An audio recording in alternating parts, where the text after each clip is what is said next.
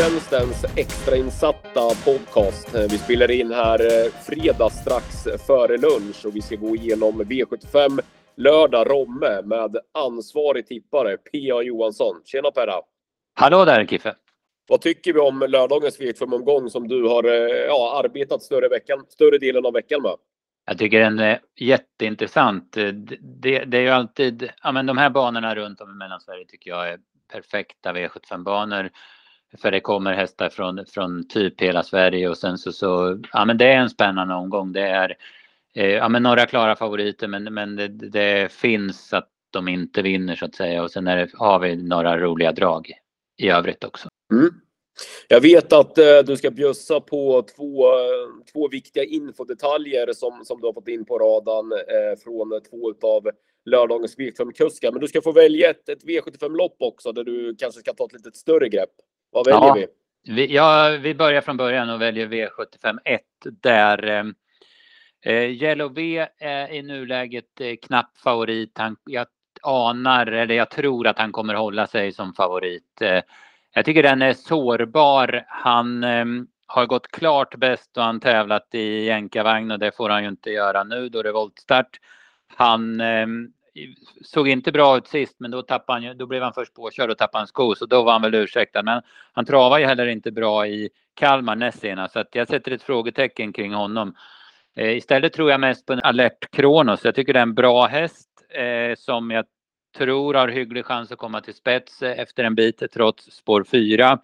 Han är väldigt effektiv i ledningen, han har fått ett lopp i kroppen. Han fick visserligen ge sig då mot nummer 8 Wicker, men jag tyckte ändå att det var en bra insats och jag hade lite drygt 10,5 sista sju på honom på en väldigt snömoddig bana. Så att det var en bra comeback tycker jag. Och eh, jag snackade även med Håkan Wallberg igår eftermiddag och han var nöjd med hästen i jobben efter det och det verkade som han hade tagit det loppet bra. Så att det var det jag ville höra av honom egentligen.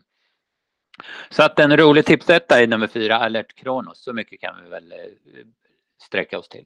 Mm, mm. Vi har ju två hästar som jag, jag trycker lite på, på där med. Vi har ju två ganska kapabla hästar för klassen som bägge återkommer här efter lite paus. Det är nummer sju Express Love och nummer nio Castor de Star.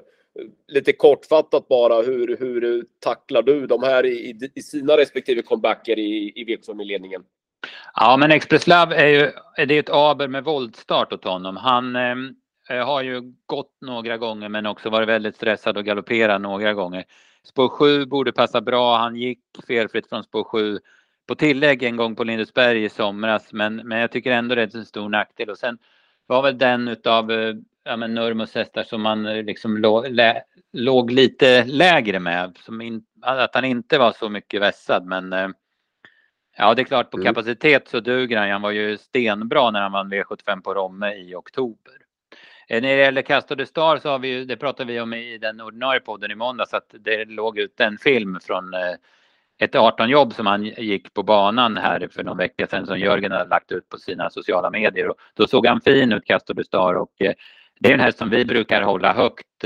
Vi spikar han ju när man V75 på Örebro i maj till exempel. Men det är ju, det är ju en nackdel med bakspår för hans del. Det är ju ingen tvekan om det eftersom han har alla sina segrar från ledningen. Han är ju klart mest effektiv i ledningen. Men det är klart, på kapacitet så skulle han kunna duga. Men du, eh, du lyfter fram nummer fyra, Alert Kronos, som en, en rolig V75-idé i V75-ledningen. Ja, precis. Jag tycker att han är alldeles för lite spelad. Han är spelad på 6 procent i nuläget. Det tycker jag är för lite. Sen vet jag också att du har lite eh, god info att eh, bjuda på i dagens dubbelloppen, va?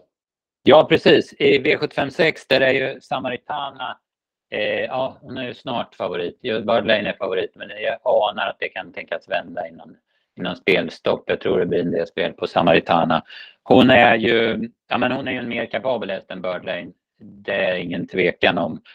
Och eh, Lövdahl, han eh, låter väldigt uppåt på henne. Han tror att hon kan vinna från döden så han meddelade också att det blir ett offensivt eh, upplägg. Han tar iväg henne från start och sen kör han framåt. Det finns inte i hans värld att han ska backa och lägga ner henne i typ tredje par ut. Så det blir väl Bird Lane i spets och sen Samaritana på utsidan som jag hoppas efter typ 500 meter.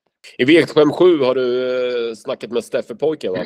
Ja, men precis. Vi hade ett eh, snack i måndags på Mantorp och jag var ju mest intresserad av Guide Stream såklart och som är näst favorit i gulddivisionen. Men, men när vi pratade så tryckte han verkligen på hur eh, att, att han var uppåt på Global Believer i den sjunde avdelningen och han sa att han är ju så gynnad av att gå i ledningen så att eh, eh han kommer inte lägga några fingrar emellan utan det blir full laddning och han hoppas komma till ledningen. Och när man läser på loppet och kollar spetsstrid så har man ju sett att han är väldigt effektiv när han har spår en bit ut. Så även om det är spår 6 så finns det i så finns det att han kommer till ledningen och även om han inte är någon super V75 häst i Global Believer. Så spets 1600 meter och eh, häst i form och påställd kusk i, i zonen. Så visst kan det gå.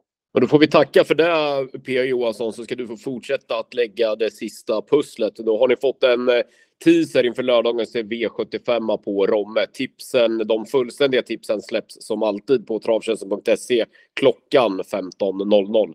Tack så mycket Perra! Tack ska du ha, tack!